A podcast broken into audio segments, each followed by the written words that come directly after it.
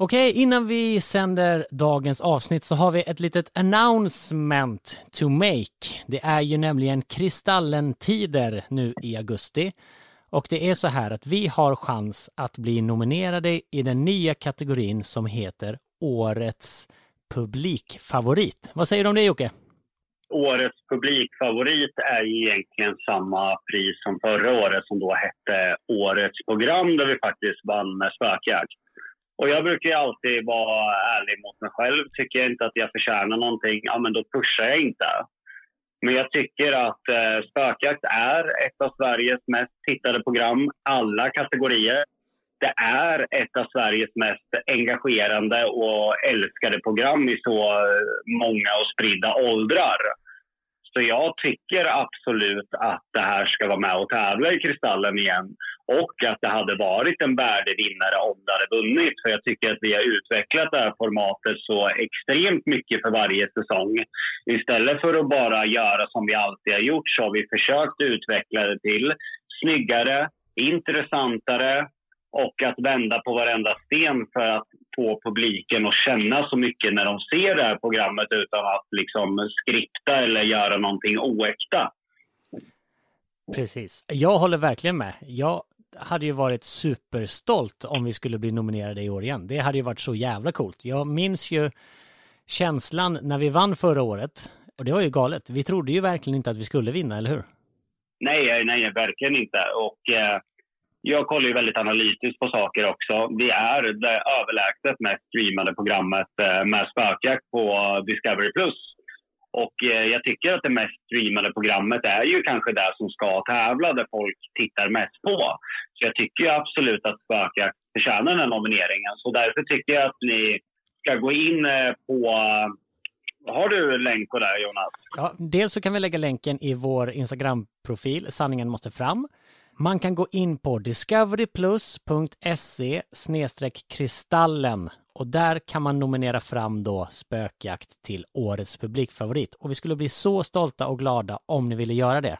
Och sen så kan man faktiskt rösta på Jocke och Jonna som årets manliga programledare och årets kvinnliga programledare. Och det tycker jag ni ska göra när ni ändå är där inne. Nej, eh, Jonna vill inte det. Hon tycker inte att hon eh, förtjänar att, vinna det. Så hon vill ju inte pusha på det här. Och jag känner mig inte heller jättebekväm i om jag är årets programledare. Utan jag känner mer att tycker ni det genuint med hjärtat, absolut lägg en röst på mig och Jonna då. Men det är ingenting jag kommer be eller pusha om, utan det är upp till var och en.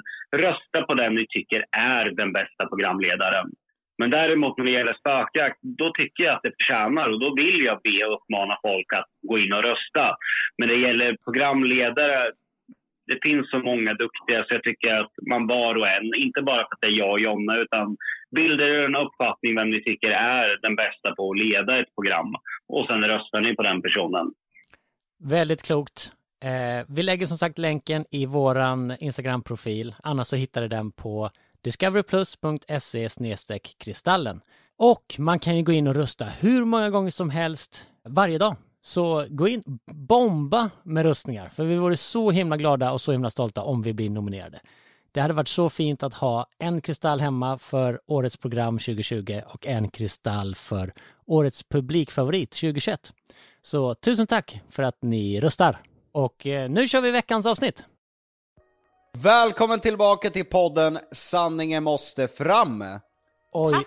oj, oj vad det den senaste veckan har varit dålig stämning i Lundellhuset. Det har stökats ner från Jonnas sida för att Jocke verkligen skulle se hur stökigt det blir när inte hon städar. Nej, du hoppas på det. Jocke har bajsat eh, stopp i alla Jocke toaletter. Jocke har bajsat stopp alla toaletter bara för att jävlas.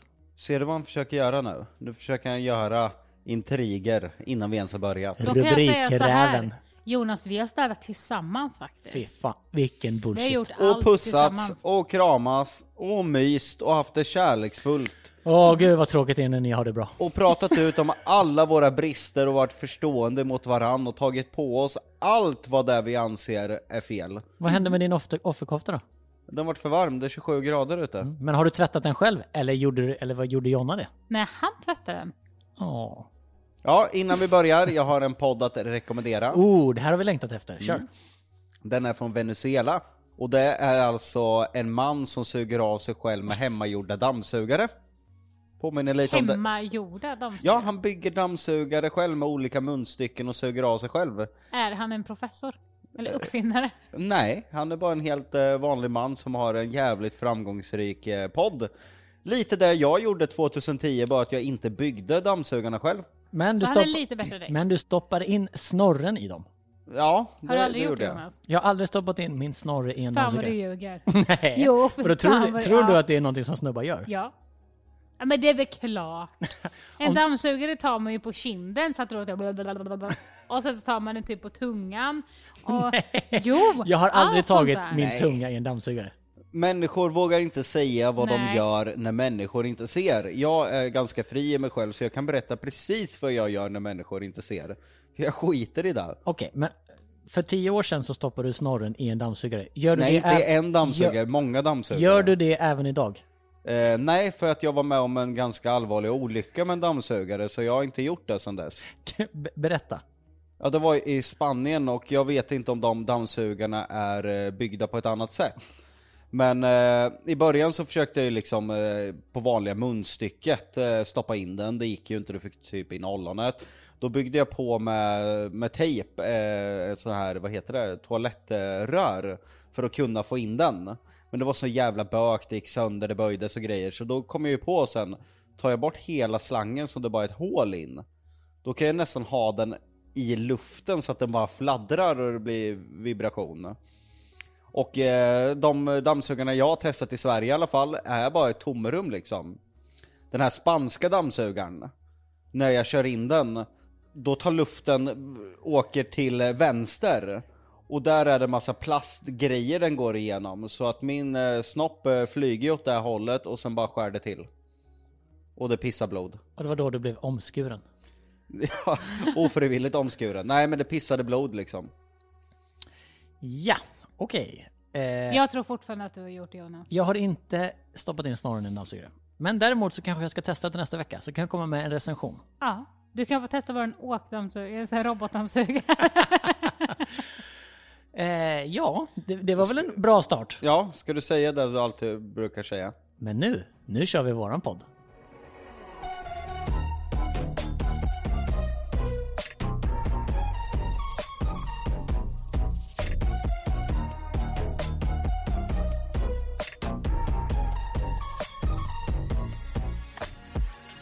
Okej, eh, utvärdering från den gångna veckan. Har det varit bra på riktigt? Har ni bråkat om städning? Nej? Vi har inte städat alls istället. Ingen av oss. Gör du det som en grej nu för att du ska visa eller har du, eller, eller har det flyttat på som vanligt? Eh, nej, vi har väl bara kommit på att vi är dåliga på det, så då gör vi inte det istället. Nej, hon sitter och driver med dig, vi, vi har städat. Men kan vi göra det vi ska nu? Sitt inte och försök trycka igång på knappar här. Nej, jag tycker Din jävla det rovfågel. är aldrig min intention att få er att börja bråka. Det vill Nej. jag verkligen inte. Nej, okej. Det vore tråkigt. Ja, det var ju jättetråkigt. Vet ni vad vi ska göra i det här avsnittet? Ja. Det har ju du berättat innan. Jag vet, men det är lika kul att ställa frågan varenda gång. Nu, eftersom vi har kört det här med olika scenarier och olika upplägg var för sig, så gör vi det nu gemensamt för att se om det blir samma svar och så får vi diskutera oss fram till hur ni skulle göra. Jätteroligt. Ja, det tycker jag faktiskt. Ja, jag tycker också det. det tycker. Du då? Ja, det blir spännande. Varför sitter du där och ser så jävla Han är ju skeptisk arg. ut? Vad är det Han med arg dig? Nej, men det var en öppning här där du försöker trycka på knappar. Nej. Och jag vill inte det, för när du åker härifrån då är det jag som har en arg fru. Medan du åker hem till en kanske glad fru. Jaha, ska ni byta fruar nu då eller? Vill du hellre ha hans fru eller vad fan är grejen? Nej, jag sa att han åker hem till en glad fru. Det Ja. är ju fakta. Jag har ju inte sagt någonting om att jag ska byta. Kolla här! Det blir, det blir skit av det. Du är en rovfågel, ställ dina scenarier. Blunda nu och se framför dig det här. För nu vill jag liksom ha uttömmande svar på hur ni skulle göra.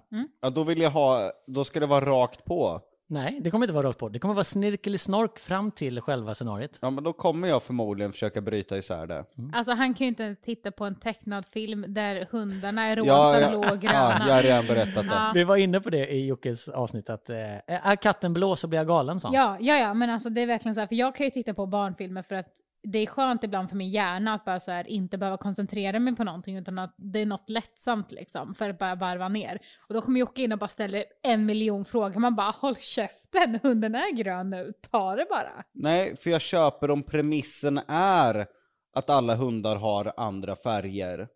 Men när det är helt naturligt, eller de försöker, då, då tål jag det inte. Då får premissen vara att det är fi- fiktion, det är någonting som inte är verkligt. Men gör man program som utgår ifrån verkligheten och det inte är verkligheten, det stör mig något enormt. Men ändå så älskar han att kolla på, på så här rymdfilmer och, och sånt. Men då är det ju fiktion. Ja, ja, ja. Mm. Då Då är är, ju- då då är- är premissen att de är i rymden. Och då Ja. är det okej, då kan man göra vad som helst. Då kan hunden vara grön, för det är en Men, eh, rymdhund. ja, ja, men jag har ju jättesvårt för sånt. Men ja, nu kör vi igång. Ska ni bråka lite till innan vi kör? Men är premissen att man är i rymden och det händer saker som inte händer i rymden, då, Då- blir jag också arg. Eftersom, då- eftersom du vet allt som händer i rymden. Nej, men om det blir väldigt overkligt. Jabba the Hutt. Det är troligt eller icke troligt? Hur menar du då? Nej, bara den här, eh, eh, du vet Star Wars Jabba the Hutt. Ja, det vet jag. Mm. Tyckte du att det var troligt? Att han satt där och var den här kungen?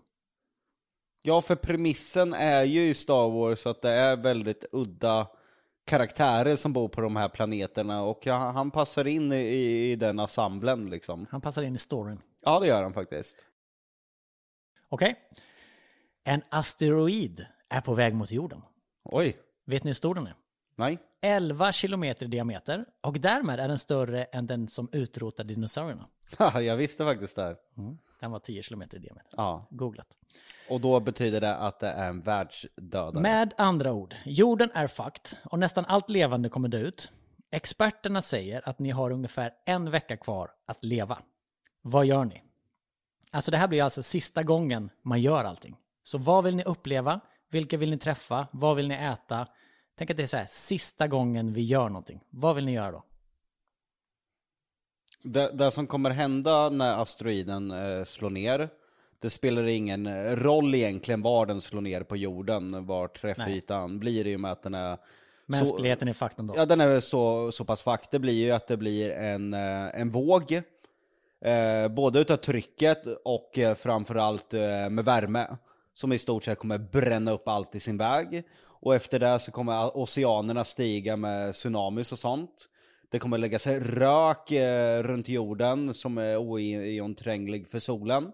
Så kan vi beräkna ungefär vart den slår ner först, eh, så ska vi försöka ta oss så långt ifrån den träffytan som det bara går och det kommer ju vara problem. Men vill du verkligen ta en hel vecka på att bara förflytta dig? Ja, för att jag jag vill ju försöka att överleva. Och då måste vi ju antingen vara i luften när den här eh, kollisionen sker, ganska högt upp i luften.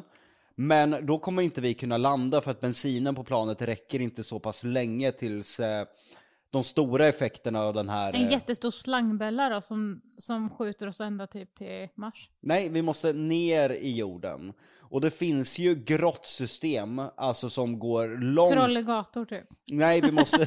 Trollegator är då ett grottsystem som ligger vid Kisa, Rimforsa där, för de som inte vet. Nej, vi måste längre ner än så. Betydligt längre ner än så. Jag vill ju göra ett eh, tappert försök att överleva. Jag känner ju här att en i gänget gick igång på det här, den andra inte lika mycket.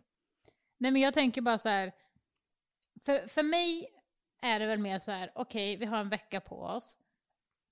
Då frågar man ju Luna Bell, vad vill hon göra? Hon vill förmodligen åka till busfabriken. Då åker vi till busfabriken. Men Sen- du, du, är, du är liksom så här, vi kommer dö om en vecka. Du är redan, eh, du, du känner ju att så här, nu måste vi krama ut det sista av livet. Medan Jocke vill lägga all tid på att försöka överleva. Ja men han sa ju precis innan så sa han ju, okej det är kört typ. Eller alltså så här att det är alltså om jag förstår inte varför man ska försöka. Alltså, för, för mig känns det onödig tid att du, för att du kommer ju, om du ska ner i jorden, det kommer ju ta mer än en vecka typ att gräva dit du ska. Om Men du jag ska ska väl för fan långt. inte gräva mig ner. Det vore otroligt onödig tid att lägga. Jag letar ju upp ett grottsystem som är existerande. Och i och med att vi kommer behöva vara där nere så pass länge så behöver vi ha med oss eh, proviant. Men vi kommer ju inte komma ut därifrån. Jo, alltså risken finns att det rasar in och vi blir fast där, absolut. Eller lägger sig någonting för så att vi verkligen blir fast. Ja, det, risken finns. eh, Men som sagt var, frågar vi Luna Bell, vad vill du göra? Frågar henne rakt ut, Luna Bell, vill du överleva? Ja, det vill hon förmodligen göra. Vi måste ta chansen även om den är mikroskopisk. Och då kommer vi behöva åt helvete mycket konserver, för jag skulle tippa att 9 till 10 månader innan du kan gå ut och möta luften efter det här eh, nedslaget från asteroiden. Jag skulle tippa nästan ett år kommer du behöva vara under marken. Är du med mig? Ja, jag är helt med. Jag tycker att det är intressant Men att då- det var så väsensskilt att eh, Jonna skiter i att överleva bara för att krama ut det sista, medan du verkligen vill gå in för att överleva. Men jag tänker bara så här, vad, vad finns kvar sen då? Vi, Alltså- familjen, Ja, ja, men vi måste ju fortfarande kunna överleva efteråt också. man lär sig, vi människor är sjukt anpassningsbara. Och jag är, efter den jobbiga förändringen, är väldigt anpassningsbar. Men behöver man, alltså man kan väl inte leva ett år i en grotta? Förlorar man inte jättemycket D-vitamin och skit då? Alltså kommer inte sådana komplikationer också? Jo, som men- gör, och infektioner och allt sånt som gör att du kan dö för det också. Är det inte bättre då att dö innan man får alla dem? Alltså jag tänker, är det inte jobbigare att lida med sådana saker liksom? Vi vänjer oss vid att vara utan solljus. Hade vi människor varit i mörker konstant, då hade våra kroppar efter ett visst antal, väldigt många år, förändrats. Vi hade säkert kunnat lära oss att se i mörker. För att vi, vi utvecklas. Det, det är en grej i det mänskliga DNA att vi, vi utvecklas. Och vi har ju utvecklats ifrån någonting till den människa, alltså Homo sapiens sapiens. Vi- Vilken version är det vi är på? Sapiens, sapiens, sapiens eller sapien? Så har vi ju gjort en utveckling. Hade du lärt dig att äta grönsaker? Utan problem, för att premissen blir helt annorlunda. Leva eller dö. Och när människor står inför det faktum så gör vi väldigt mycket mer än vad vi skulle göra i vanliga fall. Hade det varit så att eh, vi sätter tio människor i en bassäng, endast två överlever som tar sig upp, då hade vi halvslagit ihjäl varandra för att överleva. För att det kickar in som en slags eh, vätska i våra eh, kroppar, ett adrenalin, som gör att vi, vi tänker inte klart. Vi, vi har en inbyggt, eh, som är ända från stenåldern, överlevnadsinstinkt och det, det har människan. Jonna, du håller inte med. Du vill inte lägga en vecka på att eh, gräva en grop eller leta efter en grotta och samla konserver och skit. Du vill uppleva, göra det sista med dina nära och kära, äta god mat. Eller, vad vill du göra? Ja, men typ så. Alltså för att om det känns som att det inte hade gått att överleva och då hade jag väl typ inte lagt tid på att försöka om det inte är på ett roligt sätt. Förstår du vad jag menar? Alltså, Luna Bell hade väl inte tyckt att det var skitkul att sitta i en bil i en vecka för att hitta de där grottorna. Alltså så. Men eh, jag vet ju att hon vill busfabriken och allt sånt och då hade jag nog hellre velat att alla runt omkring mig var glada. Men man är väl glad när man får vara med sin familj. På stenåldern hade de inga busfabriken. Men de visste ju inte om det. Eller alltså det fanns ju liksom inte. efter, efter ett tag så kommer ju det bli den nya verkligheten. Om vi säger att eh, jag hade hittat ett grottsystem, vi tog oss ner där. Vi, vi överlevde. Vi kommer ut sen, absolut, hela planeten är förstörd. Vi har ingen infra, infrastruktur längre. Vi kan ju som sagt var börja om med det som finns kvar. Bygga oss vårt lilla läger. Men det tror jag inte hade, alltså det tror jag hade varit lite kul och lite så här. äh, Alltså att börja därifrån, men inte just det här att ta ifrån allt som finns och sen börja om.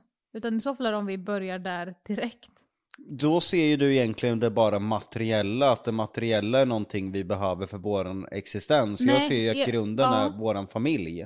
Och Ja, att ja. vara tillsammans. Ja, ja, men jag vet ju också att det är så här, vi, vi nu är ju vana med att äta kanske en viss mängd, alltså vi har ju mycket mat här i Sverige faktiskt. Och vi har ju, så att vi har ju att man kan äta och, ja, men förrätt och middag och efterrätt och bla bla bla. Vi har ju liksom mycket mat. Och då blir det ju, tar man ifrån bara en, eller vi säger två måltider om dagen, så känns ju det på en.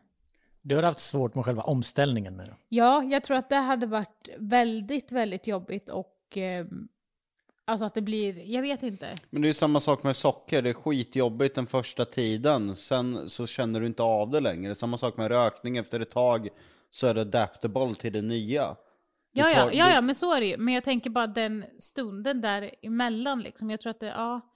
Just då så tror jag du tänker bara, jag överlever. När du hör att det mullrar. Liksom. Ja, ja, man kanske inte är skitsugen på en plankstek då. Eller gå på busfabriken. Nej. Men jag vet inte, jag, jag hade bara velat se oss glada och inte rädda. Tror jag. Men om du offrar en vecka av rädsla så kanske du har ett helt liv av lycka sen. Förstår du? Ja, om du hänger med på Jockes eh, craziness och letar upp de här grottsystemen. Ja, ja, absolut. Och det hade väl varit också en kämpaglad, om man hade levt, eller överlevt det, så tror jag att man hade fått en helt annan kämpaglad e- efteråt, liksom att bygga upp allting och verkligen säga okej, vi ska starta om jorden på nytt liksom. Ni blir nya Adam och Eva. Ja, Det är därför jag menar att jag är överlevare. När Nu fick, du lite, nu fick du lite redemption här. Ja, Känner när du det det? är överlevnad på riktigt. För att eh, jag har ju till och med läst om det här scenariet, om det skulle hända. Jag har på riktigt, jag svär på mina barns liv, innan jag gått och lagt mig många gånger, för det kan existera. Jag har förberett mig för vad man ska göra. Jag har suttit och läst på internet. Det var därför jag visste direkt när du sa sizen på den här, så visste jag att det var en världsdödare. Och jag vet ungefär, beroende på hur stor asteroiden är, ungefär hur mycket skada den gör. Vet att det räcker med en asteroid med size av en fotbollsstadion för att panga hela, hela Stockholm. Hela Stockholm är gone. Fast egentligen bara ungefär sizen av ett större bostadshus. Så hela Stockholm ja men det beror väl på hur, hur snabbt den åker. Ja, det är ju hastigheten med kollektionen. Tryckvågor som trycker upp. Eh, det förstör allt i sin väg. Så jag har ju läst på vid det här scenariot i och med för, för mig är inte det här eh, verklighetsfrånvänt. Det kan hända. Har du letat upp de här grottsystemen också? Vet du vart du skulle åka?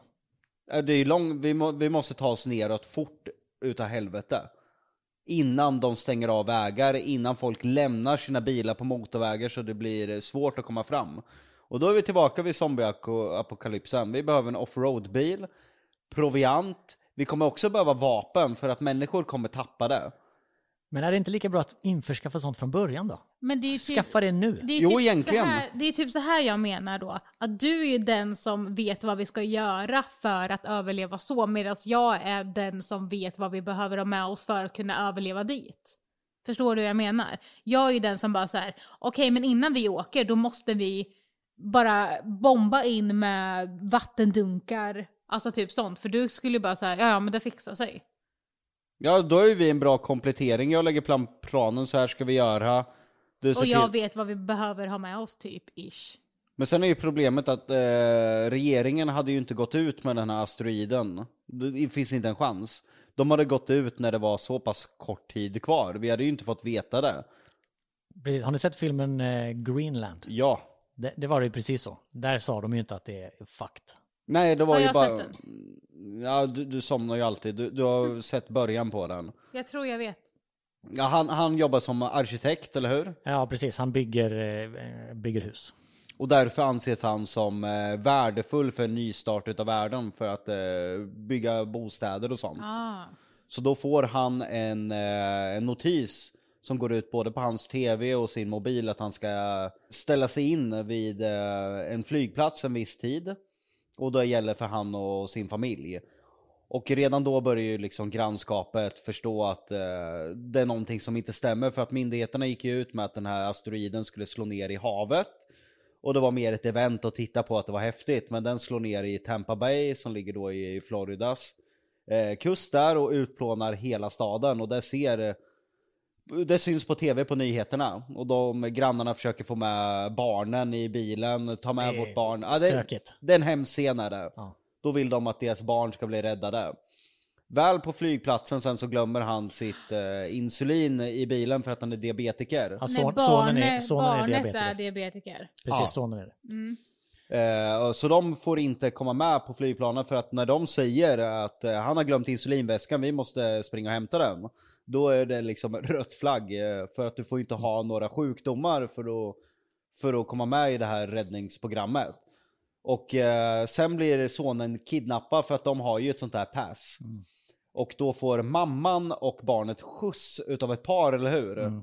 Och när de inser att de har ett eh, pass till eh, att komma med det här flyget så kastar de ut kvinnan från bilen, snor barnet för att lura att det är deras barn för att rädda sig själva. Och det är så här hemskt hur mänskligheten fungerar vid det här stadiet för överlevnad. Det är en bra film. Det är en jäkligt eh, bra film, den hade kunnat vara lite djupare, den är ju lite, lite lätt blockbuster. Ja, Så är det ju. Men där, där i, i, i vårt scenario då så är ju du egentligen den snubben som verkligen gör allting för att överleva. ja, ja verkligen. Du Eh, hade ju, för, för frun är ju lite sådär inne på att de kanske bara ska stanna kvar hos hennes farsa och bara kanske ja, det blir som det blir. Men han är ju sådär, vi drar. Jag hade kört så långt det bara gick, okej. Vi kommer inte längre, vi tar varandra i händerna, det här är slutet. Men jag hade i alla fall velat försöka och göra allt för att familjen ska överleva. Och då hade jag hängt med i en grotta. Du vet, det är inte mitt favoritsyssla att sitta gömd i en grotta, men är premissen att vi är fakt, då, då blir det grottsystemet. Då blir det grottsystemet. Då hade jag tagit med mig en kortlek så jag har någonting att göra i alla fall. Ja, du ser. Precis, och det hade Jocke glömt. Kompletteringen. Ah, fan vad bra. Toppen. Okej. Ni vaknar upp som de enda personerna på jorden. Ingen är kvar och hela världen ligger öppen för era fötter. Vad gör ni? Och nu kommer ni få tre alternativ. Ni firar genom att dra till Systembolaget, poppa den allra dyraste champagnen, hälla den i ert bubbelbad och fira att ni är de enda personerna kvar på jorden och ni kan göra precis vad ni vill. Inga krav, inga måsten, inga fakturor att betala eller jobbiga stalkers som skriver hot till era barn. 2. Ni får panik och söker efter överlevare. Jocke nördar in sig på amatörradio och bygger sin egen kommunikationsredskap för att kontakta andra överlevare. Medan Jonna ändå innerst inne tycker att det är helt okej att hon aldrig behöver träffa någon annan ever again. 3. Ni finner er ganska snabbt och börjar genast tänka på framtiden. Ni inser att maten kommer ruttna rätt fort så ni börjar genast odla era grödor. Ni hamstrar konserver i alla närliggande butiker och bygger upp stängsel kring huset ifall det finns någon överlevare. Vad gör ni? Ettan, tvåan eller trean? Vi hade ju inte dragit till systemet för att vi, vi dricker ju inte ens alkohol.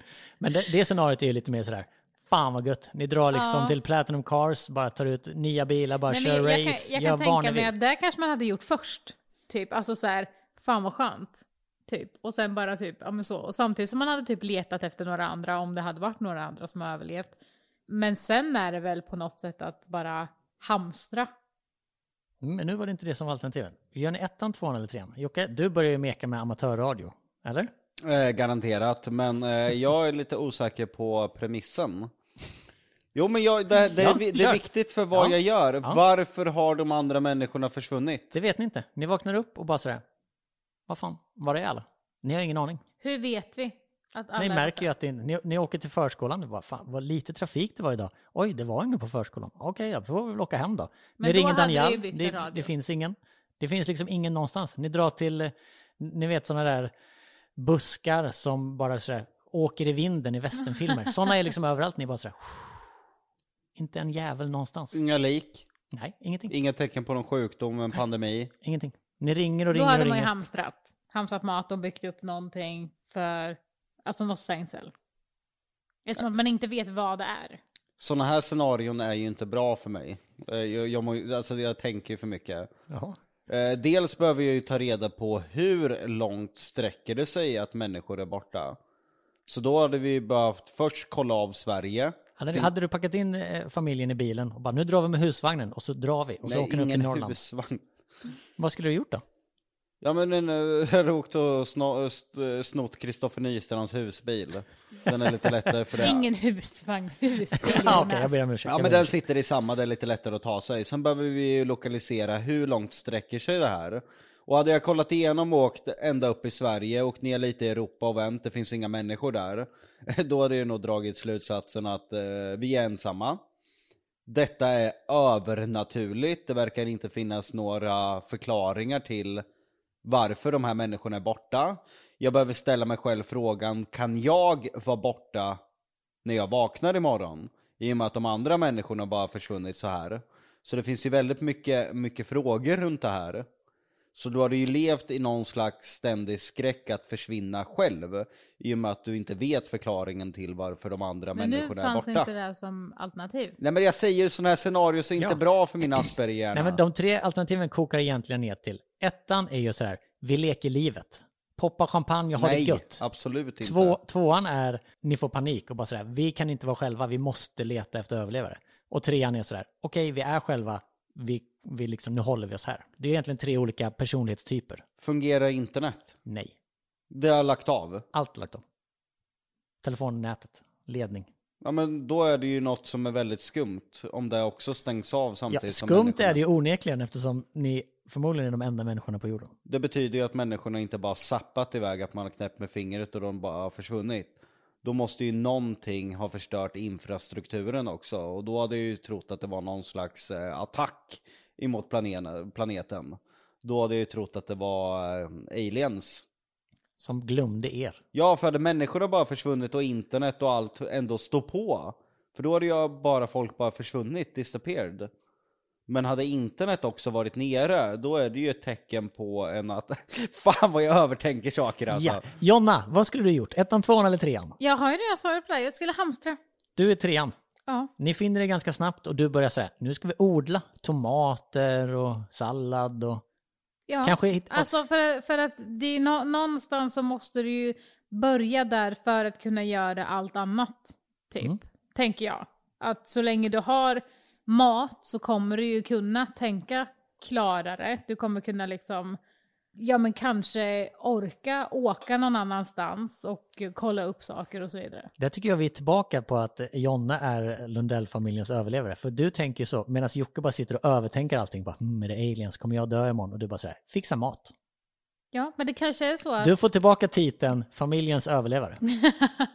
Jag har också en plan. Ja, okej, vad är din plan då? Jag, när jag hade gjort allt det första, Ja. då hade jag hittat en plats... Världens bästa pizzeria. Nej, absolut inte. En plats där vi kan leva som är optimal. Det hade ju inte varit det här huset. Utan det hade ju varit eh, på landet där man kan odla grödor. Jag hade gärna sett till att det fanns en eh, pool och liknande saker. Så man ändå kan ha det lite gött samtidigt. I och med att vi är ensamma och saker inte är förstört som i den här scenariet med asteroiden. Så kan man ju ändå ha ett eh, fungerande struktur på sitt boende. Och då har det ju sagt till att lära mig själv hur man odlar, hur man lagar pool och hur man eh, gör allt. Jag hade sett till att jag hade alla kunskaper om vårt boende där och satt mig in i det, satt mig och läst. Ja, nu funkar det ju inte internet, men då hade jag ju fått lära mig för hand ungefär hur det funkade. Finns ju bibliotek. Bibliotek fortfarande. Eh, det finns säkert, om du åker till poolfirma så finns det handböcker. Där- Jag älskar att fokus är på poolen. Ja men vad, vad den är, det må, det måste ju fungera. Jag vill ju bygga lite en illusion. När människorna är borta så vill jag ändå att vårt boende Det fungerar. ska finnas allt där så att vi mår bra. Precis, så att det inte stannar av så att vi känner av det här. Okej, vi är helt ensamma. För nu fungerar in, nu har poolen slutat fungera, nu har elektriciteten hos oss slutat fungera, nu har värmen fungerat så att vi kan optimalt driva det här huset. Jag hade lärt mig om elverk för att skaffa eget. Eh, Det finns ju kvar bensin och drivmedel. Ja. Tills pumparna tar slut, för de fylls ju inte på. Nej, men det, det, det finns ju så det räcker och bra över för det finns ju varje kilometer i stort sett en jävla bensinmack. Men ert svar blir egentligen nummer tre då. Ni, ni eh, lever för framtiden. Precis, en blandning mellan tvåan och trean. Jag hade ju sökt efter andra överlevare också självklart. Det hade inte Jonna gjort. Jo, jag hade nog... Men du hade, du hade blivit lite besviken om ni hade hittat någon som ni måste, för då känns det som att man måste hänga med Nej, dem på för något jag sätt. tror att det hade varit helt okej. för att någonstans så måste man ju kunna skaffa barn också. Jag hade inte velat göra det inom familjen. Du hade inte velat skaffa barn med Jocke. Jo, men eh, sen är du, de ska ju skaffa barn också. Det hade inte varit så jävla nice. Så då Nej. måste man ju skaffa några andra för att kunna få tillbaka alla liksom. Mm. I det här läget hade man gärna behövt människor för att vi människor Ja. har ett behov Ja, ja. av att behöva dela med oss hade våra erfarenheter och och det vi upplever. Och det hade inte jag tyckt var jobbigt. Och därmed kommer vi in på vår andra, andra scenario. Säg att ni levt då i en postapokalyptisk värld ungefär 10 år. Ni har harvat på med det dagliga jobbet. Det är ju inte så jävla kul. Och eftersom ni inte kan söka läkarvård så blir ju varje infektion och tandvärk jävligt mycket jobbigare än vad det har varit innan. En dag får ni kontakt med två grupper av överlevare. Det visar sig att de två grupperna är dödsfiender och att båda grupperna vill komma och bo hos er. Ni kan alltså inte ta in båda grupperna utan ni måste välja en. Mm. Okej? I grupp nummer ett så finns det en läkare, en tandläkare, en bonde och en örtspecialist. Det kan jag tänka mig är ganska bra egenskaper att ha i en postapokalyptisk värld. Mm. I grupp nummer två finns Daniel, Johanna Öholm, Olof K Gustafsson och hela redaktionen från tidningen Hänt. Eh, Vilken grupp tar ni? Alltså läkare och allt sånt där, för det gör ju att man kan komma vidare liksom. Jag köper inte premissen, jag är ledsen. Jag, jag vet inte riktigt vad Daniel och Olof K Gustafsson gör och varför har inte vi eh, stött på Daniel tidigare och jag känner ju Daniel. Jag hade väl sagt att eh, det är ju väldigt mycket bättre att samsas med de här doktorerna. Jag köper inte premissen alls för att Daniel är precis som mig en taktiker. Han det- hade det- inte varit osams med en doktor i en postapokalyptisk värld, det finns inte. Men nu är det så. Ni måste välja en grupp av de här. Jonna har valt, eh, hon kastade sina vänner under bussen och väljer läkaren. Ja men det, det hade jag nog faktiskt, för där Ja. någonstans så tror jag ändå att eh, man måste se vad, alltså där någonstans måste man ändå tänka vad är bäst för mig själv och för min familj. Och det kan, vänner är bra att ha, men läkare just i det tillfället just då kanske är bäst. Plus att det var hela redaktionen från Hänt. Och de Ja, gillade men inte du. jag tror inte det hade spelat någon roll om det var dem eller om det var om det, om det var dem eller om det var några jag faktiskt, om det var så att jag tyckte om alla. Hänt jag hade existerar nog- ju inte ens längre då. Nej, men de har jobbat på Hänt och skrivit alla de här sakerna. Ja men vad fan, det är ju lite överdrivet. Det är ju inte, det är inte så att vi vill ha livet av dem. Nej, de, bara för att ni inte väljer dem så dör de ju inte. Det är bara de ni ska bo med. Jag vet ju fan inte ens vilka som har skrivit de här artiklarna. Rätta in dig i ledet och Nej, välj jag grupp tänker inte ett göra eller det. två. så du tycker att det är svårt val eller? Nej, för det är inte trolig premiss. Och vad är det för postapokalyptisk värld? Vad är det som har hänt för det första? Nu är det bara så. Vadå, vad, vad Du är kan det inte så? Jag vet ju, ifrågasätta varenda grej. nej men jag vet ju inte hur... Men välj bara det pest eller kolera. Har världen brunnit upp för att solen blev för stark? Är det ny istid? Vad är det som gör att det Nej är men det är, väl, apokalyps? är det inte en fo- fortsättning på det? Det är en fortsättning på det som var. Det fanns bara... Helt plötsligt så kom det två grupper människor och ni har inte sett människor på tio år. Ja men då är det fan ingen apokalyps på det här sättet för att då är ju världen oberörd, det är ju Oh my God. människorna som är borta och Herregud. det kan ju för fan till och med vara nyttigt för världen. Jonna, ska du och jag köra det här själva? Jag kan säga så här, jag tar in båda grupperna och kastar ut Jocke. Bra idé. Nej men jag gillar inte, jag vill tänka fritt på mina scenarier. Det här är bara- det, Gode gud i himlen. Nästa scenario. Detta är från en lyssnare. Luna Bell är på en studentresa på Rhodos. Hon har blivit alldeles för full och hamnat i fyllecell. Bara en av er får åka och hämta henne. Vem åker och varför? ja. För att jag sätter inte mitt eller min fot i Grekland. Hatar Grekland. Nej inte bara på grund av det jag tror att Jonna hade varit, eh, hon har ju varit för stressig. Ja. Vår, våra barn, det är mitt ansikte de kommer möta när de har hamnat i skit. Det, det, det tror jag vi båda är överens om. Då är det mig de träffar först. Är det så? ja. Om det blir bråk och sånt, då är det du som kommer dit. Ja, eh, jag tror att jag kan hantera situationen bättre. Vad har du emot Grekland, Jonna? Nej, men jag får obehag av Grekland. Ingen, alltså, jag vill tycka om Grekland. Men nej, jag har varit där två gånger och haft alltså, på riktigt sån ångest båda gångerna att det har varit den värsta ångesten i mitt liv. Så jag vill inte tillbaka dit. Stökigt att komma till en grekisk polisstation och så sitter ens dotter i fyllecell där. Vad hade du gjort?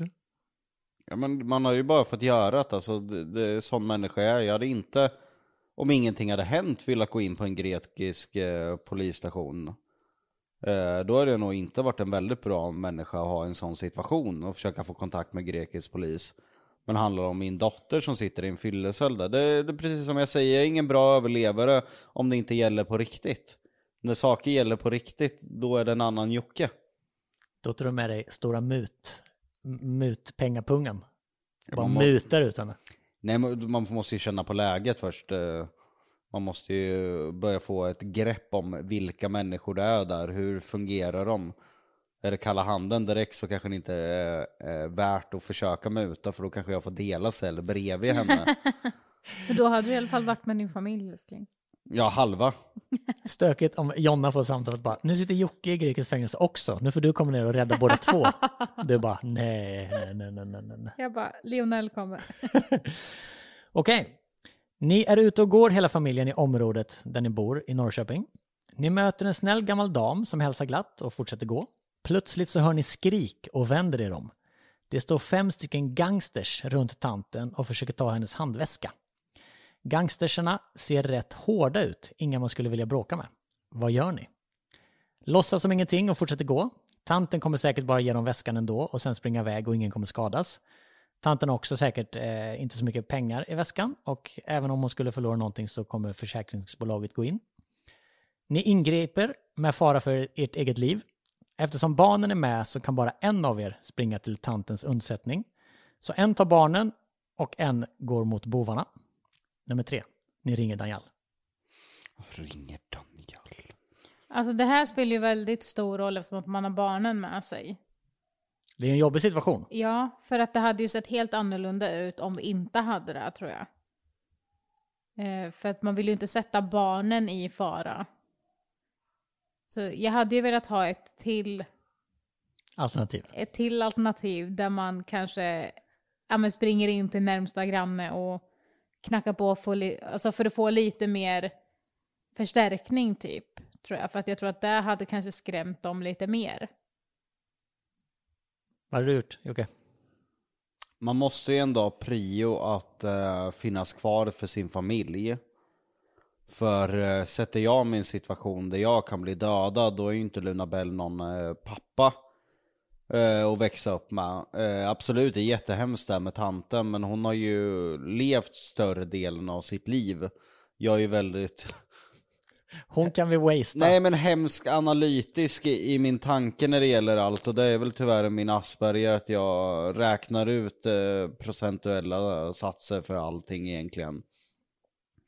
Och jag hade väl känt i det här läget att det inte var värt för en okänd person när vi är ensamma där. Du har ju presenterat scenariet, de är flera stycken. Fem stycken till och med. Ja, fem stycken. Med det dödliga våldet vi har i Sverige så är det ganska stor chans att de skulle kunna se oss som ett vittne och göra sig av med oss eller få panik och skjuta oss. Eller som du säger så vill de bara ha väskan och sticken men det är ju omöjligt att säga innan. Och den eh, procentuella chansen att det kan bli ett dödligt våld är lite för överhängande för mig i den situationen för att ingripa. Men självklart så hade man ju som Jonna säger tagit sig därifrån och slagit larm. Och försökt ha någon slags förstärkning. Att de här killarna tänker okej, det är tre stycken som kommer nu, fullvuxna män. Procentuellt för oss kanske chansen är mindre att vinna det här slagsmålet. Att eh, jämna ut oddsen på något sätt eh, så att de lämnar tanten i fred och eh, försvinner därifrån. Vi hade ju aldrig kunnat alltså, leva med oss själva att bara skita i det och gå, gå förbi liksom, eller så här, bara gå vidare. Men jag tror att man hade velat kanske tjäna lite tid på att om, om någon tar barnen, den andra springer och hämtar förstärkning typ och de, den med barnen kanske gömmer sig och bara skriker till eller någonting så att det liksom så, ja, men så att de här männen kanske blir rädda själva eller liksom känner att okej, fuck, någon, någon ser oss liksom. Jag tror att de flesta så bara hade ju rent instinktivt tänkt bara sådär, det är klart jag skulle rädda tanten. Men det är ju, om de flesta tänker efter, så är det kanske ganska korkat när man står där med barnen. Ja men de, det är ju som du säger, de flesta ljuger. Precis, jag De tror att de bara, flesta Det är ljuger. såklart jag hade ingripit. Jag försöker ju ändå redovisa ett svar som är eh, troligt och sant. Ja, jag tror, att det är, jag tror att det är det som de flesta hade gjort. Men jag tror att de flesta hade svarat att det är klart jag ska hjälpa. För det är så lätt att svara det. Men alltså det hade man, ja, ja jag vet inte, för att man känner inte tanten, man har ingen, alltså ingen koppling till henne kanske. Det kanske hade varit någon annan, något annat om det vore ens mamma eller alltså någonting sånt liksom. Men någonstans så tänker man ju som Jocke har sagt på de flesta grejerna, överlevnad liksom. Och att det är, hur stor chans har lilla jag mot fem personer? Så ja, Man hade inte kunnat bara gå vidare och släppa det, det hade man inte kunnat göra, för det, det har väl de flesta inte samvete för. Men man hade ju hämtat någon, eller några, som kunde hjälpa till. Och det, och det är ju det, hur, hur länge hade Luna Bell varit lycklig av Ja, men pappa han räddade en gammal tant men han dog på köpet, han är en hjälte. Hur länge hade det tröstat henne? Hur länge hade det tröstat Lionel? Hur länge hade det tröstat Jonna? Det, det är min stora fråga på det hela. Du hade ju gett eh, min familj en väldigt stor sorg. För en människa som jag inte vet kanske lider utav cancer och kommer gå bort om tre månader. Som hade gett väskan utan att blinka, de hade försvunnit därifrån.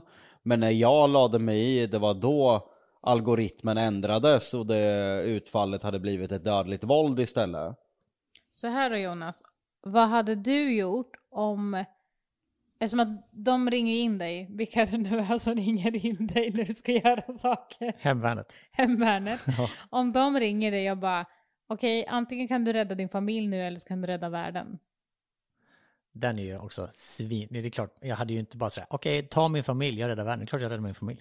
Ja, men alltså det är fast samtidigt så är det så här, folk, det är så folk tänker, men jag hade räddat världen för det är många fler, man bara fast du hade aldrig kastat din familj under en buss. Jag vill inte hänga med hela världen, jag vill bara hänga med Ja, min familj. ja, ja, men det är ju så här, jag tror att den frågan, om man ställer den öppet eller så bara skriver ut det på Facebook så hade, alltså de flesta hade ju skrivit typ, nej men jag hade räddat världen.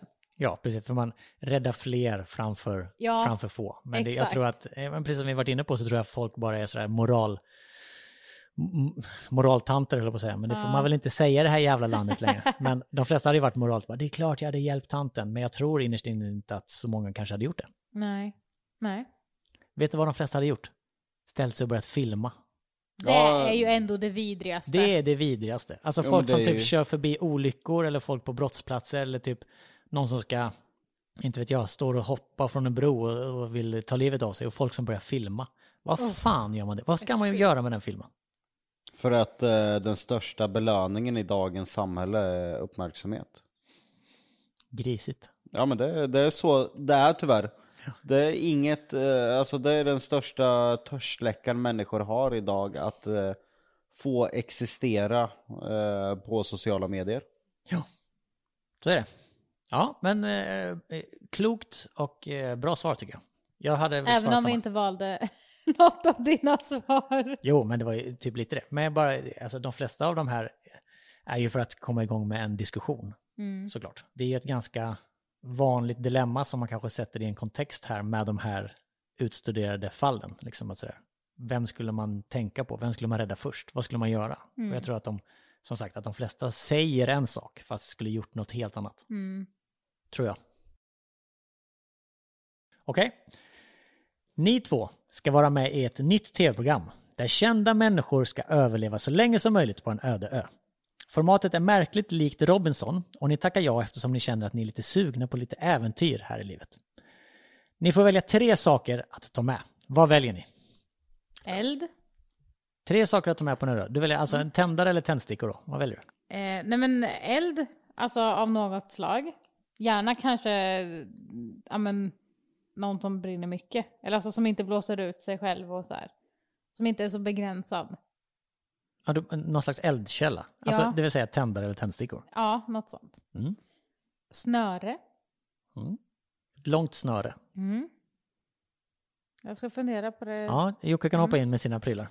Jag, jag gillar inte den här premissen heller. Sluta nu. Jo, vet varför jag inte gillar premissen? Berätta varför du inte gillar premissen. För att du har ändrat grundprincipen vem jag är som människa. För att du aldrig skulle tacka ja till det. Nej, det skulle jag inte göra för att jag anser... Om du visste att du kunde vinna. Nej, för att jag anser att jag har förlorat för mycket pengar. Ett sånt där program, vad skulle det ta att spela in? Tio veckor tar Robinson att spela in. Exakt, eh, på de tio veckorna hade jag förlorat oerhörda summor pengar. Du Du får får 50 miljoner för det. Bara för att vara med. Ja. 50 miljoner får du. Ja, då, nu, då kanske det är du som ska göra de här scenarierna Jonna. För då, då finns det ju en trovärdig princip. Du kan inte bara ta mig som person och ändra om vem jag är, att jag tackat ja till någonting jag aldrig skulle tacka ja till. För då blir det ju svårt att säga vad jag skulle ta med mig. Ja men då, då kan du lika gärna säga en fiol. Ja, för, ja, jag är en fiolspelare nu helt plötsligt. För du kan ju hitta på vad fan som helst i din premiss. Är det omöjligt att göra den här leken med alla som har Asperger, eller är det bara Jocke? Nej, alla. Mm, Okej, då vet jag det. Då ska jag vara mer detaljrik. Tänk, tänkte då vara... Mer detaljrika, du får Ja. inte ändra grundprincipen vem jag är som människa. Okej. Det är sånt här som sker också under våra rollspel. Du bara säger, kan inte du vara rörmokare ikväll och komma och liksom säga, byta mina rör? Han bara säger, nej det är fel Men på, jag det är fel på premissen rörmokare. för jag är ju Du inte får fråga rörmokare. Jonny. Usch vad äckligt. Ja men det är så du sitter och förstör för oss andra just nu. Kan du försöka leva dig in lite? Nej, jag kan ju inte det för att du har ändrat vem jag är. ja, Okej, men då säger du är jag... med där. Du Då- får, Du får 50 det är miljoner. 10 veckor, du Ja, får men- 50 miljoner. Okej, då tackar jag. Mm. Bra, nu har du tackat ja till grundpremissen. Yes! Och uppdraget du har då är att packa en väska med tre saker som du får med. Ja.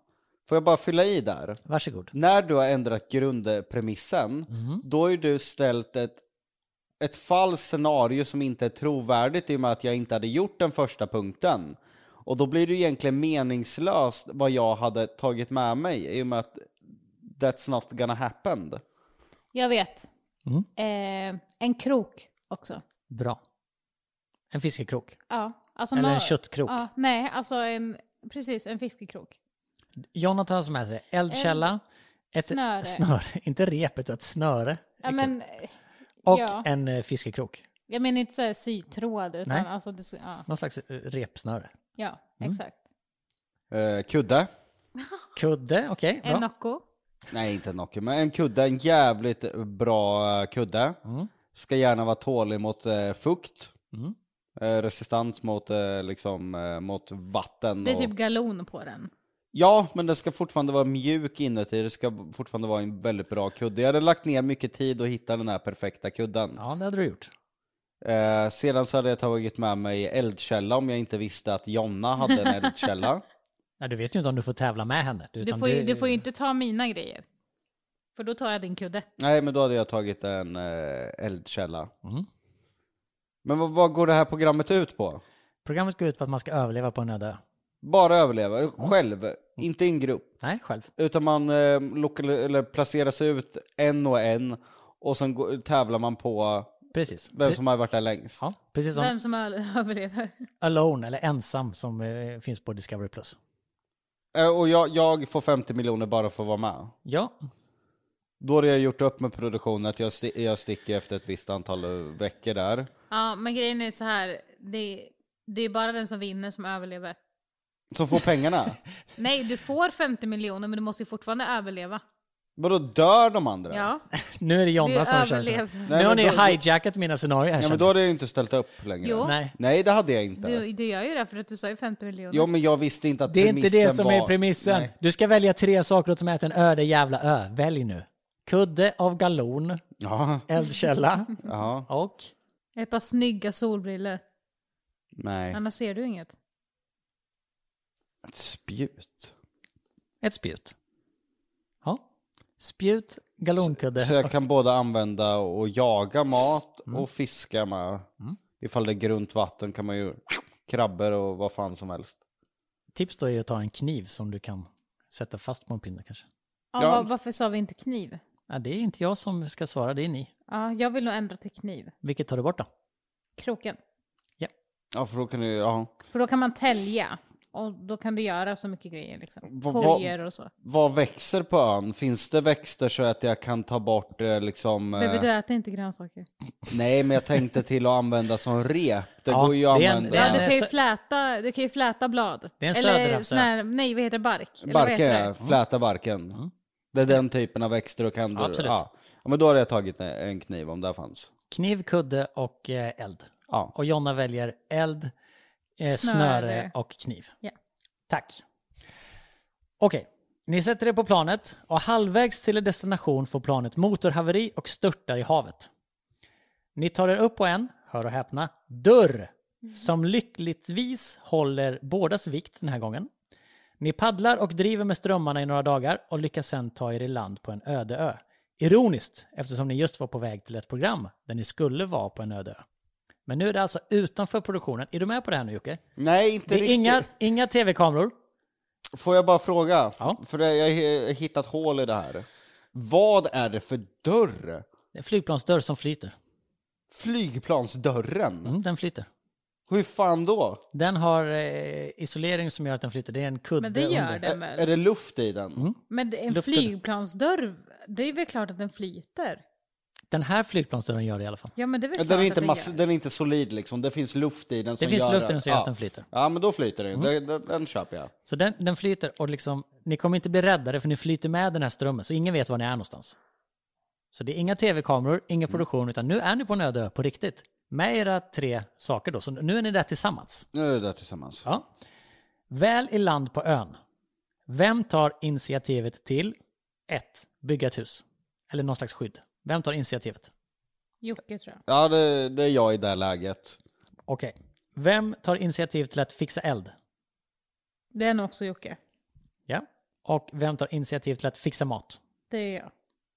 Vem tar initiativ... håller du med eller sover du? Nej jag hade ju jag hade övervakat dig. Eh, Så att det inte blir några grönsaker. nej jag hade ju inte velat ha någon giftig fisk eller något. Alltså jag har ju varit väldigt försiktig med vad vi stoppar i, i munnen. Hade det Ja, varit, din, ja, hade det varit hade din ju- största oro? Att bli förgiftad av någon slags matgrej? Ja, för alltså det hade ju varit jävligt surt att lyckas överleva till ön så gick det bet för att du åt en giftig fisk liksom. Ja, ja, men alltså jag kan ju fortfarande hämta maten. Är, det, är det en söderhavsö? Mm. Ja men då är det ju kokosnötter nötter som gäller. Palm, Ja, ja, men- Palmhjärta och det där jävla skiten tills man spyr liksom. Mm. Ja, Kassava det- och grejer. Det kan ju fortfarande, alltså du kan ju fortfarande låta mig hämta maten, för det hade du gjort. Ja, ja absolut. Men du hade övervakat själva eh, matlagningstilldelningen? Nej inte om det var bara kokosnötter i början. Sen hade vi väl fått ta möten där vi utgår ifrån att Vi ska okej, ha möten du och jag på, på ön. Ja, vad vi kommer försöka att äta i och med att vi är i ett tropiskt klimat. Det finns mycket giftiga djur. Och vi vill ju inte gå bet på, på en fisk. Nej. Så det blir ju lite läskigt. Vad läskigt blir det. Ja, det blir ju nästan en chansning för ingen utav oss är ju någon, eh, någon biolog så att vi har koll på vilka arter utav fiskarna som är giftiga. Det är ju clownfisken och stenfisken jag känner igen att man inte ska stoppa i mun liksom. Ja, men krabbor är väl inte giftiga? Du godkänner kokosnötter till en början. Till en början ja, och sen får vi försöka kolla, finns det djur vi vet till 100% inte är, giftiga i, i skogen där? Finns det inte där, men då kommer Men alltså vi. vi äter väl först och främst där vi känner igen, tänker jag. Ja, För det är, väl, det är väl så en människa alltså, gör. Den är jag med på. Så är det. Så är det väl när man är på buffé också, du tar ju det som du känner igen liksom. Det är inte så att du hoppar på det som ser jättekonstigt ut direkt. Enda skillnaden är att på buffé så förutsätter man ju att man kan äta allt. inte du. Men sen kommer man väl till en punkt då man inser att eh, okej, vi, vi kanske får leva här tills vi dör. Ja, den kommer snart. Men först, vem tar initiativ till att komma på en plan för att ta er därifrån? Jocke. Ja, det är jag. För du känner att eh, du lika gärna kan stanna där, Jonna? Eller känner du att du vill bort? Jag vet inte, jag, jag tror att jag försöker nog göra så att... Ja, men jag, jag tror att jag tänker när jag är där så tänker jag okej, Jocke kommer komma på en lösning hur vi tar oss härifrån. Jag måste se till att vi överlever här. Typ. Jag vet inte om jag bara har en inbildning av att det är så här, men jag har för mig att det är väldigt svårt. Vi säger att vi lyckas bygga en flotte med tiden. Att det är väldigt svårt att ta sig från ön för att vågorna går in mot ön. Att du måste komma en viss bit innan det vänder, att du kan komma utåt. Att du kommer hela tiden slungas tillbaka med flotten emot ön. Är det inte så att du måste Men paddla? är det inte så mot Jo, allt? men det är inte så långt. Det är inte så långt. Tar du över bränningen bara. Alltså det, man ser ju var vågorna börjar liksom. Ja, över den behöver du. Ja. För att komma ut på eh, Öppet- upp, öppet öppet, hav. hav. där du kan ta dig ifrån. Men är det inte väldigt, väldigt svårt ändå då du inte har så mycket kraft att ta dig igenom den bränningen med? Jo, men jag tror ju också att eh, eh, det klarar man nog. Om det inte är liksom, det är ju inte varje dag som det är svinhöga vågor. Det är det ju inte någonstans. Det beror ju på vädret. Det hade nog klarat. Men, det sjunker sakta in att ni kommer få bo på ön resten av era liv. Vem tar det bäst? Jag vet inte. Jag vill ju inte vara barn där, det är ju jävligt jobbigt. Jag hade ju inte tagit det bra, jag tror inte Jonna heller. Precis. Vad skulle ni sakna mest, förutom era barn? B- barnen. Förutom era barn. Barnen är såklart Alltså, nummer ett. Vad skulle det- ni sakna som Det hade nummer två? varit så överhängande med barnen att... eh, Ni, hade, ni, hade, ni hade slutat fungera som individer av saknaden för era barn. Ja men typ så. Halvt i alla fall. det är ju som att våra barn har dött. Om vetskapen var kvar där. Jag tror att både jag och Jonna hade haft väldigt svårt att komma över ifall vi skulle förlora något av våra barn. Men om man ska tänka om vi kanske inte hade barn, eller om man tänker så, då hade det nog varit kanske en säng och eh, kanske att vi har, ja men det här att man inte kanske kan få mat. Att man måste mer jobba för maten så att man kanske inte har så mycket energi och kanske typ rent vatten att typ duscha i. Jag tänker bara när vi är iväg på spökjakt, vad är det vi saknar då? Eller vad är det vi klagar mest på? Det är ju typ sängarna. När det inte finns den mat vi vill ha. När det inte är tillgängligt, alltså när det inte finns så mycket stort utbud av mat och eh, så känner man sig ju rätt äcklig då. Mm. Är du, sover du eller är du vaken? Han funderar. Nej, det är en jävligt jobbig situation. Blir du lite tagen när du tänkte att du måste vara utan barnen? Ja, det är klart man blir. Du behöver inte leva på en. Nej, jag vet, det, det vet jag. Skönt. Direkt när vi är klara här med podden så är du fri att göra vad du vill. Fick jag med mig kudden? Ja, det fick du. Du hade med dig kudden? Ja, men det är, det, det, det är ändå... Det gör mycket gör det faktiskt. Det är, det är något positivt på den här förbannade ön. De är din galonkudde. Lånar du ut den till Jonna varannan natt? Nej, Nej, inte varannan. Får hon skylla sig själv eftersom hon själv inte valde en kudde? Ja.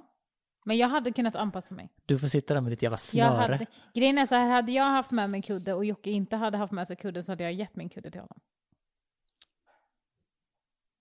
Vilken kvinna.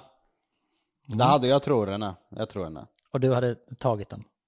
Nej, inte tagit den hade jag. Jo, det hade du! Nej, alltså Nej, inte, inte inte, tagit. inte tagit den så, men du Tagit emot när, tagit emot den hade du gjort. Jag försöker tjuva lite på den. Ja, det hade du. Nafsat lite på den. Ja, han hade fått min kudde och jag hade legat på hans bröst. Mysigt. Mm. Ni är ute i skogen med barnen och möter en björn. En av er får panik. Vem är det? Jag tror jag. Jag hade skickat iväg Jonna och barnen fort som fan. Ja, det kommer sen. Vem, vem får den eh, första liksom så här panik, paniken? Nej, alltså jo, jag tror jag. Jocke hade lagt sig ner och spelat död. Håller du med om att det är Jonna som får den in- initiala superpaniken? Ja, eh, det är ju inte bra för jag hade hoppats att vi kan stå stilla en stund så att jag får eh, kalkylera ut en plan. Eh, Så att det inte börjar springas till höger och vänster för då, då är det ju kört. Precis, för det finns två alternativ till det här. Ni har sett någon gång på en dokumentär på National Geographic att man ska rulla ihop och spela död när man träffar en björn. Så ni gör detta efter bästa förmåga. Eller två, ni springer utav bara helvete. Nej, vi, vi, jag, vill, jag vill ju att alla ska stå still. Och jag hoppas ju att utan att eh, jag behöver säga någonting, för den första paniken kommer inte jag kunna styra över. Jag hoppas inte att hon har eh, gett sig iväg med barnen. Eh, så att stå helt stilla, hålla för munnen för barnen, det får man ju faktiskt eh, göra i det här läget, även om barnen inte är med på det.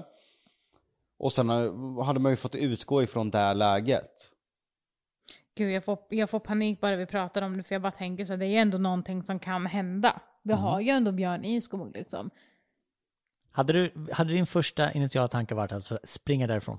Nej, alltså jag vet ju att man inte ska det, men sen så tänker jag ju också så här. Okej, om jag ska hålla för Luna Bells mun, då kommer hon skrika ännu mer typ, för att hon Får får, panik. hårt? I det läget så, alltså det får man ju bara göra. För att det är ju då man tänker så här, okej, fuckar det då om hon gör ljud och vi står kvar? Vad är värst då, om vi står nära björnen eller om vi har sprungit typ? Men du behöver inte hålla för munnen om hon inte har börjat skrika. Men hon skulle göra, hon skulle Ja, få då, panik. då måste du ju hålla för munnen. Åh gud, jag får det här. Hade du börjat springa då hade ju, då hade jag, alltså. Varför måste vi ha barnen med oss på alla de här grejerna? Det är ju saker som ni ställs inför. Det här är bra att reda ut redan nu, så vet ni nästa gång ni ser en björn vad ni ska göra. Jag hade ju inte låtit björnen ta er, så jag hade ju behövt ta fighten med björnen ifall du hade börjat springa. Ja, jag tänker att du kan distrahera den medan jag springer iväg med barnen. Ah, d- nej, det där är inget bra alternativ. Alltså. För hade du börjat springa då hade jag ju ofrivilligt behövt ta striden med björnen och det hade fan inte slutat bra. Kanske om det var Jonny, då kanske det hade blivit eh, en... Fair fight. Nej, inte fair fight, men lite jämnare i alla fall. Men alltså kan man klättra upp i ett träd? Ja, det, det har jag Jag tänker om man kanske typ kastar upp barnen Känns ju ändå som att björnen kan klättra i klättra. träd. Mm, Kanske inte. Nej. Oklart. Vi är inte så bevandrade i björnens eh, klätterskills. jag tror ändå att de kan klättra några meter. Det tror jag, men vi är betydligt bättre på att klättra. än Men hade du. ni varit det med barnen, vad skulle ni ha barnen då? Skulle ni... Nej men jag tänker att man kastar upp barnen i trädet. Det är lätt att säga, men hur fan Ja, kastar nej, man upp ett barn i alltså. ett träd? Vi, vi testar tills björnen går till attack. Först blickstilla, Ja, exakt. Det tror jag vi hade gjort. röra sig lite sakta mot trädet, liksom gestikulera mot varandra. Okej, du klättrar först, du tar emot Luna Bell. Vi försöker göra det här sakta utifrån vad björnen reagerar på och gör. Det är nog klokt. Det, det tror jag också. Vi hade ju så stilla först och bara så här, okej, kan det vara så att den bara går förbi? Ja, men då räcker det med om vi står stilla här. Och sen man märker, nej men den, den kommer ju vara här, då måste vi förflytta oss. Vi kan ju inte ligga och spela död i, alltså, i en dag. Det går ju inte. Nej. Så, ja. Nej, för att barnen hade ju inte legat still döda och då hade det kunnat bli... Då hade man varit säkra i trädet. Hade det bara varit du och jag, då hade vi ju sakta med tiden lagt oss ner och sen hade vi legat där tills björnen var borta. Men med barnen så blir det ju betydligt svårare att halvt behöva kväva dem för att inte göra ljud. Ja, vi hoppas att det aldrig kommer behöva ske. Nej, jag kommer aldrig gå ut i skogen nu. Möter en räv och då är det kört. Ja, och jag bara, okej, upp i trädet. Okej, är ni med på nästa? Ni har efter en längre tids samarbete med ett multinationellt företag fått reda på att de bedriver smutsiga affärer i tredje världen, har barnarbetare och mutar regeringen i landet för att kunna tvätta pengar. En hög chef på företaget hör av sig till er och säger att ni får 10 miljoner om ni håller tyst. Och om ni håller tyst så kommer ingen någonsin få reda på det. Men om ni säger till och avslöjar hela företaget så kommer alla andra företag ni jobbar med att dra tillbaka alla samarbeten och tv-jobb. Youtube kommer att plocka bort er kanal och eh, till och med den här podden kommer läggas ner. För ingen kommer ju vilja associera sig med er eftersom ni har associationsrätt med det dumma företaget. Vad gör ni? Ser inte alla företag från Kina ut så här ungefär? Generaliserar vi eh, grovt i podden.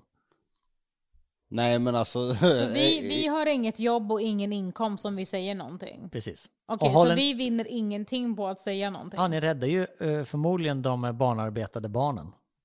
Okej, men det, det hjälper ju sätts inte ju- min familj. För Nej, Nej. och de Gör sätts ju förmodligen på... I, anna, I annat. annat barnarbete direkt. Ja precis, det var väl inte vet du, att generalisera på det sättet men vi har ju inte så mycket barnarbete här i Sverige utan eh, de flesta barnarbete är ju när vi köper från länder från Asien framförallt. Det är ju där mycket export utav eh, kläder och sånt kommer ifrån och det är ju mycket barnarbete där. Det är ju inte generalisera utan det är ju så det är. Om man gör så här då, att eh, vi säger ingenting, men vi skänker de pengarna till dem. Ni tar mutan från företaget och sen så Och ger till, till de som är värst drabbade så att de kanske slipper göra det. Eller? snygg Det lösning. kanske inte hjälper allt såklart, eftersom att det, även om man kanske inte vill se det, så är det väldigt lite pengar vad som kanske behövs, men det kanske hjälper väldigt, väldigt många familjer ändå. Hur som helst så kör ni inte visselblåsa-grejen och bara Nej, det känns väldigt dumt, för då... ri- riskerar att, eh, att, att eh, hamna arbetslösa. Nej. Ja, jag har, var, jag har ju varit den personen som måste agera vid minsta lilla orättvisa och det har många gånger skadat eh, mig och min familj, det vet ju vi. Mm. Så jag har lärt mig att ibland så är inte fighten din egen så kan man ibland få gå därifrån. Men känner du att du har gjort det mycket i livet? Väldigt, väldigt, väldigt mycket och jag har hamnat i egna problem för att jag ska fightas för någon som förmodligen inte hade fightats för mig. Jag tycker att det är väldigt oftare så att jag verkligen får säga till dig, bara så här, men alltså är verkligen det här värt för att du tar den tiden du lägger på det kommer du inte få igen och det kanske drabbar dig i slutändan mer än vad det liksom ger dig någonting. Sen tycker jag inte hela scenariot är så jättekonstigt för det är väl så industrin i hela världen ser ut oavsett. Det är väl smutsigt överallt. Oavsett vilken industri du grottar i, om det är päls, djurslakt, vad det än är egentligen så är det ju smutsigt. Allt vi tar i, allt vi brukar kommer ju från någonting som vi förmodligen inte vill se Tycker, du att, tycker du att det är mycket dubbelmoral där ute? Att, att liksom folk väljer att inte se och sen så morali, moraliserar de över andra grejer. Ja, ja, verkligen. Eh, som, som under pandemin eller när det gäller eh, det här med kött och, och vilken industri det än är så är det ju väldigt eh, mycket hyckleri. Och att det, inte, det finns oftast inte bra lösningar på de här problemen. Många tycker att man absolut inte ska skjuta djur oavsett vad. Och sen förstår man inte konsekvensen av eh, vad som blir när man behöver skjuta av djur. Då Då skulle det ju... krylla av djur överallt och det skulle ligga eh, älgar överallt som man har kört på med bilar och Ja precis som Jonna säger, det är ju bilolyckorna björnar i stan. ökat eh, lavinartat. Och vårt största problem att ta oss hem från krogen på natten hade ju varit att överleva en vargattack liksom. För att skjuter du inte av vargarna så kommer de ju dra sig längre och längre mot städerna. Och sen till slut så hade vi haft vargar i parken i Norrköping. Det är ju vad som hade blivit. Det är mycket hyckleri att bara, nej men så ska vi inte göra. Sen tänker man inte på kedjereaktionen som blir i alla fall. Och det är ju så med allting. Mm. Klokt och nyktert tänkande. Okej, jag tycker vi kör en till. Är ni med? Mm. Är ni taggade? Mm. Är du inställd Jocke? Ja, jag tänker för full. Jag är ju helt inne i må- många andra scenarier. Jag förstår det. Detta kommer bli sådär, flera dagar efteråt så kommer jag få ett sms bara, du, hur var det med den där ön? Var det i Söderhavet eller var det i Västindien? Var- För det, vilke- finns, det växer olika plantor där. Det är sant, det gör det. Mm, Och bara, precis. vart gick solen upp och vart gick Precis. den ner? Vilken sorts kniv var det var jag hade med mig? Mamma, okej. Luna Bell är 15 år och går därmed i nian. Rektorn ringer er och säger att hon har varit inblandad i ett slagsmål. Ni kommer till skolan och det visar sig att pojken som hon slagit hade sagt något opassande till henne. Med andra ord, han förtjänade förmodligen att få en smäll. Men pojkens föräldrar som också är där kräver en ursäkt, annars så polisanmäler de henne. Vad gör ni? Det är klart att hon ska be om ursäkt. Alltså slåss får man ju inte göra. Sen att vissa förtjänar det, ja det är ju en annan sak. Har, eh, var, det sexuellt det pojken hade gjort? Ja, han hade kallat henne någonting riktigt grovt. Vad hade han kallat henne? Jag kan inte säga det. Jo, Okej, Det känns men- så hemskt, men hemskt du att säga blir tvungen det. att säga det. Men då hade man ju polisanmält honom. Och bara ja, polisanmäl då. Vad, vad hade han kallat henne? Är det ett ord på H? Ja, Och slutar med A? ja. Okej, då hade smällen varit vet du, välförtjänt för den. Jag hade pratat med, med Luna Bell om att, att man, man ska ju inte bruka våld överlag och det är ingenting man ma- bör normalisera. Men jag ska inte heller lära upp min dotter till att eh, tåla och bli kallad eh, sådana saker. Men om de hade sagt att de skulle anmäla för att Luna Bell har slagit till honom efter att han hade sagt H-ordet till henne, då hade vi anmält honom. Jag har aldrig Alltså- bett om ursäkt för det där, för man, man, orsak och verkan brukar jag säga. Om du inte vill ha en smäll, kalla då inte en, en tjej det värsta ordet du kan komma på. Bjud inte in till att få en smäll.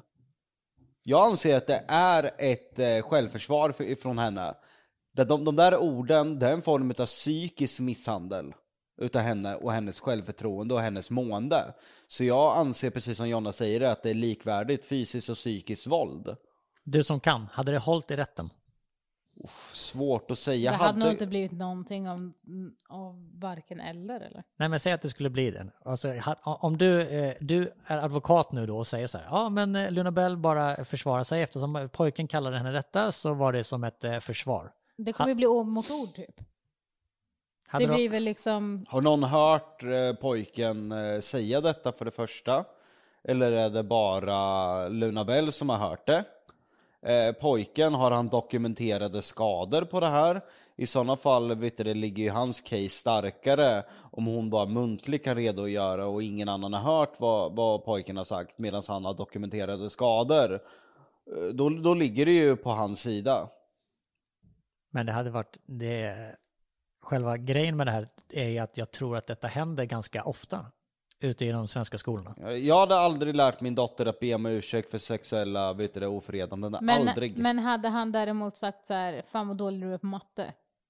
Då hade det absolut inte varit okej om hon hade slagit honom och då hade hon fått be om ursäkt. Ja. Men, alltså, men hon hade ju inte bett om ursäkt för att hon hade bett om ursäkt för att hon hade slagit honom. Hon ska ju inte be om ursäkt för att han sa, alltså han måste ju be om ursäkt för att han sa så också liksom. Men hade han sagt det varje dag och liknande saker som, eh, alltså klankat ner på en även om det inte hade varit sexuellt, att det hade varit mobbing och skolan inte hade agerat. Då, då hade det också varit en annan sak. Jag kan tänka mig att du är en sån förälder som hade legat på. Skoja inte, det hade jag verkligen gjort och jag ska veta rakt på bordet vad det är som har hänt. Jag ska ha fakta. Och utifrån den faktan ska man diskutera det som har hänt. Superbra förälder. Verkligen. Du är också en väldigt, väldigt bra förälder. Jonna. Ja, ja. Men, Men jag tror Jocke hade gjort det till sin livsuppgift. ja, att exakt. sänka den där skolan eller rektorn eller pojken 100% eller vem, vad, vad det nu än gäller. Jag kan säga så här att när barnen börjar skola sen, då kommer skolorna, Veta ja, ja men att li- era barn går på skolan. Ja men, ja men lite så. Det kommer, Jocke kommer alltid stå upp medan jag, jag kanske tänker att andra föräldrar ibland kanske bara ja ja men det går över eller ja ja men det är inte världens grej. Han, för minsta lilla kommer han liksom Ja det ska inte fjäskas Det ska- för det ska henne vara heller. rätt. Ja det ska vara rätt. Hon ska inte ha det lättare i skolan för att hon är Luna Bell. Hon ska inte ha det svårare. Hon ska bli behandlad exakt som vilken människa som helst. Inte med fördel och inte med nackdel. Det är lika viktigt både och. Och så är det ju också om någon, kom, om någon förälder ringer till oss och säger Luna Bell har gjort det här. Då kommer det vara exakt likadant där också. Ja, Hon då kommer- blir det hon, Vi konsekvenser. kommer ta henne, vi kommer åka dit där hon har gjort det och det kommer liksom bli så att hon, hon kommer ångra sig. Liksom. Om Luna Bell snattar, då åker ni tillbaka till affären. Hon får 100%. lämna Ja, ja. tillbaka, Ja. be om ursäkt. Och hon kommer förmodligen få hjälpa till i affären Ja, också, så att hon skämmer ut sig liksom. Skulle precis säga det. Hon kommer få jobba en helg i butiken. Med en skylt runt nacken det står snattare. Ja. Ja, men, nu- nu- nej men det ska ju kännas. Ja. Det ska ju vara konsekvenser som gör att de, de ska inte göra om det. Och de ska säga till sina vänner när de kommer på sådana dumma idéer, liksom, att gör det inte, det är inte värt det. Det är bra. Mm. Vettigt. Men en jävla YouTube-kanal. Det kommer hon inte att få. Straffet ska vara så hårt att man inte vill göra det igen. Det vill säga hårdare än Sveriges rättssystem. Börja inte snöa in på det där nu igen, då blir jag... Ja, men det är lite konstigt med massa, massa brott när, eh, när man får straffrabatter, mängdrabatter och allting. Konsekvensen blir ju ingenting. Du kommer in några månader, slutar lite bättre kontakter för knark och allting kommer ut med ännu mer kontakter. Nu är det uppe på bordet att de ska ta bort eh, ungdomsrabatten. Såg du det i tidningen? Bra. Ja, det är ju jättebra, men eh, Det här är ett helt annat avsnitt när vi Ja. pratar om Sveriges rättssystem. Då kommer Jocke få sitta själv en Ja. timme och bara prata och prata och prata medan du och jag tar ett glas vin. Ja. Ja. ja, men jag vill höra Jonas åsikter om sånt här. Men alltså jag har ju inga åsikter Jo, det tror jag. Ja. När vi väl pratar om ämnena så tror jag att det, det kryper fram en Då åsikt. kommer mina vettiga åsikter fram. Okej, jag vet ju redan vad Jocke kommer säga. Han kommer säga att mina scenarion var skitdåliga den här veckan, att de var ogenomtänkta. Men vad tyckte du Jonna? Jag tyckte faktiskt att de var ganska bra. Tack. Och vill ni höra mer sådana här eh, scenarier? jag, jag tyckte inte de var dåliga. Jag tycker du har gjort ett jättebra jobb. Men sen Men- är ju jag eh, inte som andra eh, människor. Du har ju gjort de här scenarierna. Till en vanlig människa. Precis. Och det är det jag måste lära mig, att jag gör det till en Asperger-Jocke. Ja, det är jag som är annorlunda. Du har ju gjort det enligt normen för hur man gör ett scenario. Jag tillhör ju inte normen hur man besvarar ett scenario. Så jag måste ge dig att du har gjort ett bra jobb. Och vet ni vad? Jag har faktiskt fler. Så om ni lyssnare vill höra eh, fler sådana här avsnitt där vi ställer, eller där vi, där jag ställer ett olika scenario till Jocke och Jonna och de får bestämma sig, så hör av er. Många vill ju höra obekväma åsikter. Så... Precis, det var lite det jag var inne på. Vi kom ju in på det här nu med Sveriges rättssystem och sådär. Obekväma åsikter, något som kanske inte riktigt är sådär Man kanske tänker det, men man kanske inte säger det högt. Så om du hittar eh, ett antal ämnen och sen kastar du ut dem till oss. Det är kul för att Jonna Jonna pratar aldrig om sådana här saker, det är mer jag. Mm. Jonna lever mer i en eh, bubbla. Medan jag är mer... eh, Du är mer outspoken och du får ju både ris och ros för det. Eh, Men Jonna har ju inte riktigt fluktat sina åsikter på samma sätt. Så det ska bli intressant att se vad som döljer sig i Jonna Lundells huvud. Jonna har lärt sig egentligen det smartaste.